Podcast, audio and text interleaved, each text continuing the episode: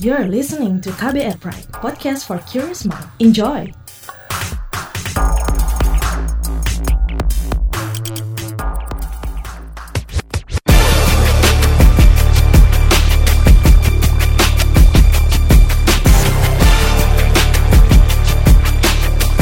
Cek fakta, cek fakta, cek fakta. Beredar sebuah video di media sosial Facebook yang mengklaim bahwa Menteri Agama saat ini, Gus Yakut telah resmi menandatangani surat larangan pelaksanaan sholat Jumat bagi warga yang beragama Muslim. Selain itu beredar hasil tangkapan layar sebuah narasi yang menyebutkan bahwa tayangan televisi ILC atau Indonesia Lawyers Club telah dilarang penayangannya oleh pemerintah karena pemerintah tidak menginginkan kritik dari masyarakat. Bagaimana penelusurannya? Kembali bersama co-founder dan fact-check spesialis Masyarakat Anti Fitnah Indonesia Mavindo, Ari Bowo Sasmito, saya Don Brady menghadirkan topik teratas Periksa Fakta Mavindo periode 20 hingga 26 Februari 2021. Hasil periksa fakta dengan tingkat engagement paling tinggi dalam forum anti fitnah, hasut dan hoax atau FAFHH serta Instagram. Podcast ini bisa Anda simak di kbrprime.id setiap Senin dan di aplikasi podcast lainnya.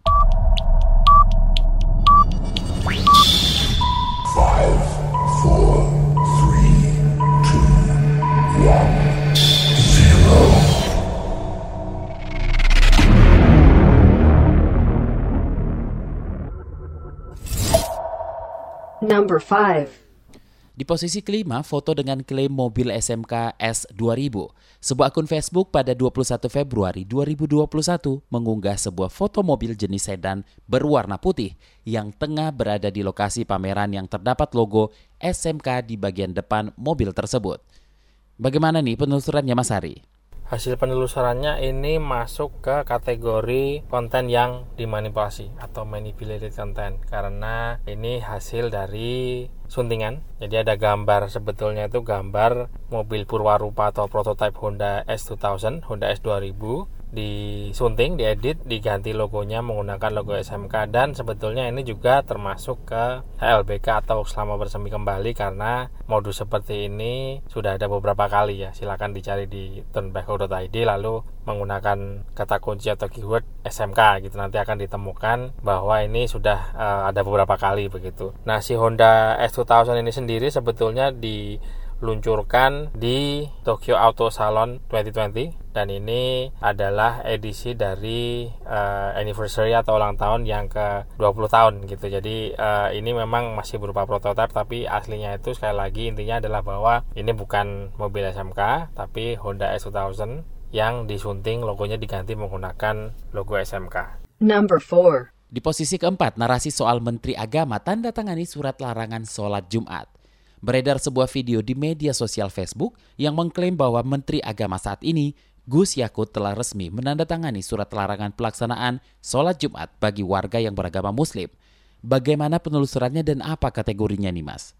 Setelah ditelusuri hasilnya ini masuk ke kategori konten menyesatkan atau misleading content karena ini klaim salah ya. Uh, men Menteri Agama itu tidak pernah mengeluarkan surat yang melarang umat Islam untuk melaksanakan ibadah sholat Jumat ini sebetulnya berkaitan dengan himbauan untuk beribadah sholat Jumat itu dari rumah. Dan kan ada pembatasan kegiatannya. Dulu ada PSBB terus belakangan PPKM nah ini berkaitan dengan itu bahwa kegiatan di rumah ibadah itu di, dikenakan pembatasan. Misal jumlahnya dibatasi tertentu. Tidak boleh seperti kapasitas normal. Lalu kalau kapasitas normal itu kan berarti berkaitan dengan berdesak-desakan. Padahal ada ketentuan di mana ada jarak fisik physical distancing gitu ya minimal uh, eh, 2 meter kalau saya tidak salah. Jadi uh, itu memang kapasitas tempat ibadah harus dikurangi biar jarak fisik itu bisa dijalankan gitu. Karena kalau penuh kan ya berdesak-desakan gitu ya. Terus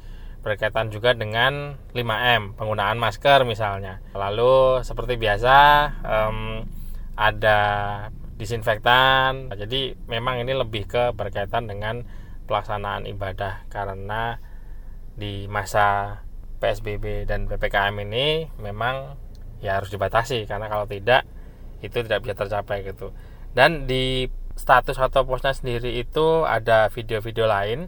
Ada misalnya video yang muncul di surat itu. Aslinya padahal itu bukan surat oleh Menteri Agama itu udah beda ya antara uh, ini uh, yang diklaim sebagai Menteri Agama padahal aslinya suratnya itu surat edaran wali kota Kupang. Jadi ini beda ya saat yang aslinya edaran dari wali kota dibilang dari menteri itu udah salah itu jadi uh, surat edaran wali kota Kupang ini tentang peningkatan kewaspadaan dalam rangka pemberlakuan pembatasan kegiatan masyarakat untuk mengendalikan dan meminimalkan penularan transmisi lokal COVID-19 di kota Kupang gitu. Dan itu juga bukan segampang itu diartikan bahwa pemerintah itu melarang untuk beribadah sholat Jumat. Aslinya itu ya kembali tadi ya ini harus diterapkan protokol kesehatan yang gunanya agar tidak semakin memperparah sebaran COVID-19 itu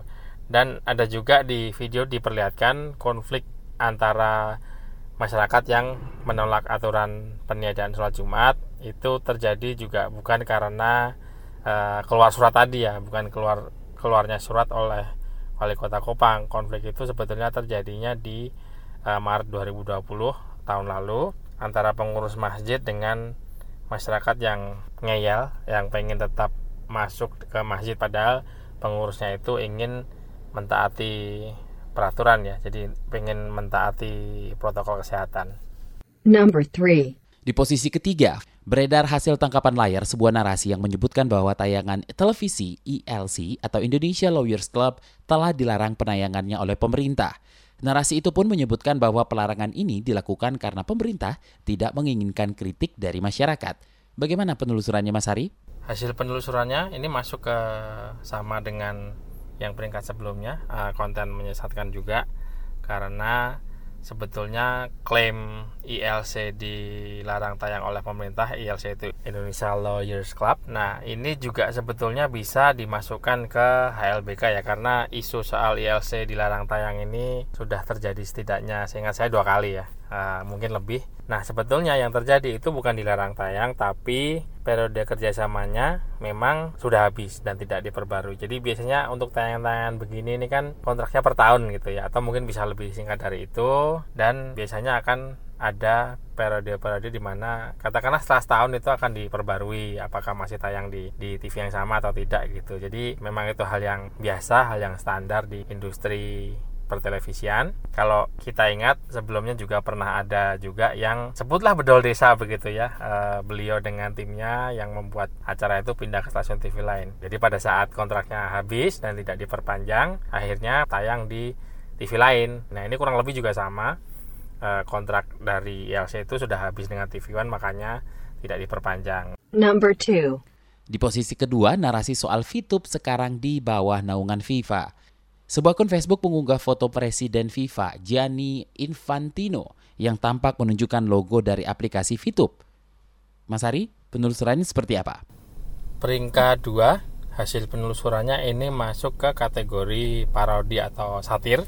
Perlu saya ingatkan, parodi atau satir itu masuk ke kategori hoax atau disinformasi atau misinformasi karena itu berpotensi untuk merugikan untuk mereka-mereka yang nggak tahu ya gitu makanya kalau mau dibuat kaku itu semua satir atau parodi itu sebetulnya bisa dimasukkan sebagai hoax. Tapi pada pelaksanaannya kami akan mempertimbangkan untuk ya biar lebih fleksibel lah ya.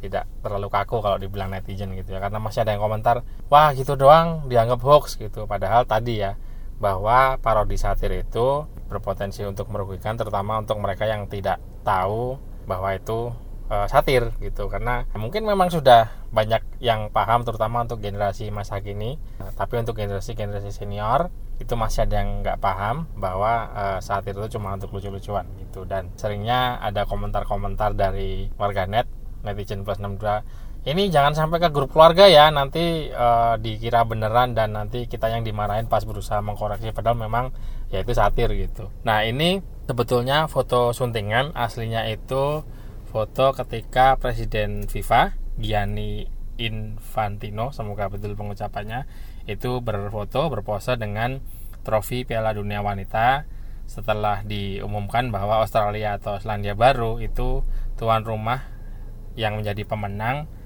untuk kompetisi sepak bola wanita di uh, 25 Juni 2020 gitu. Jadi uh, foto suntingan yang tujuannya ini untuk satir, untuk lucu-lucuan. Number 1. Di posisi pertama foto dengan klaim nuklir milik Indonesia. Sebuah akun Facebook mengunggah foto truk yang diklaim sebagai nuklir milik Indonesia pada 18 Februari 2021. Foto yang dimaksud dapat dilihat di forum anti fitnah hasut dan hoax dan foto apa ini sebetulnya Mas Ari dan bagaimana penelusurannya? Peringkat ke satu hasil penelusurannya ini masuk ke kategori konten yang salah. Dan sebetulnya termasuk juga uh, hoax lama bersemi kembali ya karena di tahun 2019 itu pernah beredar juga dengan narasi yang berbeda yang mirip-mirip tapi beda gitu.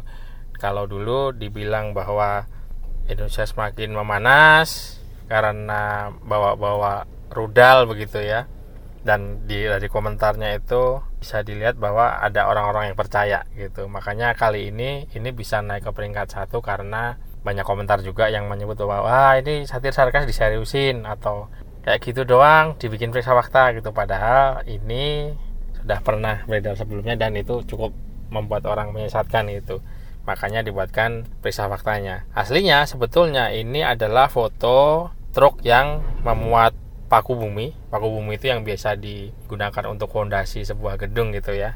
Itu akan didorong untuk masuk ke dalam tanah. Ini truknya ini mengalami gangguan dan ini sudah pernah diunggah sebelumnya di 6 Juli 2017 oleh uh, akun Twitter TMC Polda Metro gitu ya. Jadi hasilnya itu sudah ada deskripsinya bahwa ini foto paku bumi yang macet lalu di fotonya diambil dikasih deskripsi yang berbeda jadi membuat salah paham gitu. Itu dia tadi topik teratas periksa fakta Mavindo periode 20 hingga 26 Januari 2021, hasil periksa fakta dengan tingkat engagement paling tinggi dalam forum anti fitnah hasut dan hoax atau FHFHH serta Instagram. Podcast ini bisa Anda simak di kbrprime.id setiap Senin dan di aplikasi podcast lainnya. Mas Ari? Lalu saya ingatkan, jaga emosi, tahan jari, verifikasi sebelum dibagi. Saya Aribo Sasmito co-founder dan fact check specialist Mavindo. Terima kasih sudah mendengarkan. Assalamualaikum warahmatullahi wabarakatuh. Terima kasih telah menyimak podcast Cek Fakta ini. Kami menantikan masukan Anda lewat podcast at kbrprime.id. Sampai jumpa di episode berikutnya. Cek Fakta. Cek Fakta.